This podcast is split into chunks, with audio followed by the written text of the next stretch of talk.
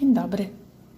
Zapraszam Cię na bardzo mało profesjonalny podcast dla mam i programistek jednocześnie, czyli dla kobiet, a ja jestem jedną z nich, które łączą pracę zawodową związaną z no, dosyć jednak dużym wysiłkiem intelektualnym, ze zdolnością abstrakcyjnego myślenia, z umiejętnościami e, matematycznymi, e, jednocześnie e, będąc mamą, żoną i gospodynią domową, utrzymując dom, zajmując się dziećmi, sprawami mieszkania, gotowaniem i sprzątaniem.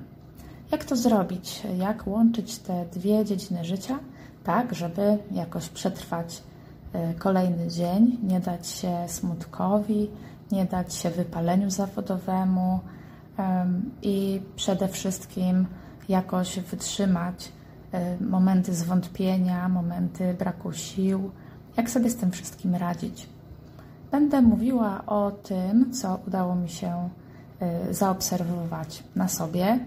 Jako, że lubię eksperymenty, jestem królikiem doświadczalnym sama dla siebie a także o tym, co udało mi się przeczytać albo usłyszeć o, u różnych mądrych ludzi, którzy e, publikują swoje treści w internetach, na YouTubie, e, z różnych książek, podcastów, e, e-booków, z takich źródeł, które są dostępne dla każdego i które potrafią rzeczywiście pomóc w sytuacji, kiedy no, jest ciężko.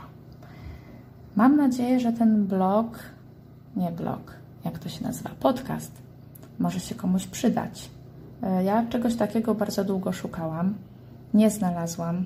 E, podcasty dla programistów prowadzone są głównie przez programistów mężczyzn.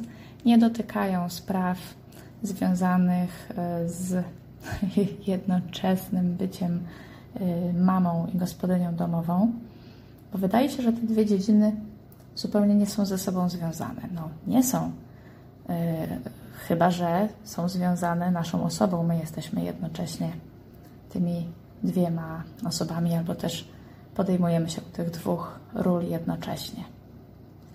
Być może Tobie też przyda się kilka e, rad, które w moim życiu zadziałały. E, może zechcesz się podzielić swoimi przemyśleniami na ten temat. Bardzo gorąco Cię zapraszam do słuchania. Do usłyszenia w kolejnym odcinku. Pa, pa!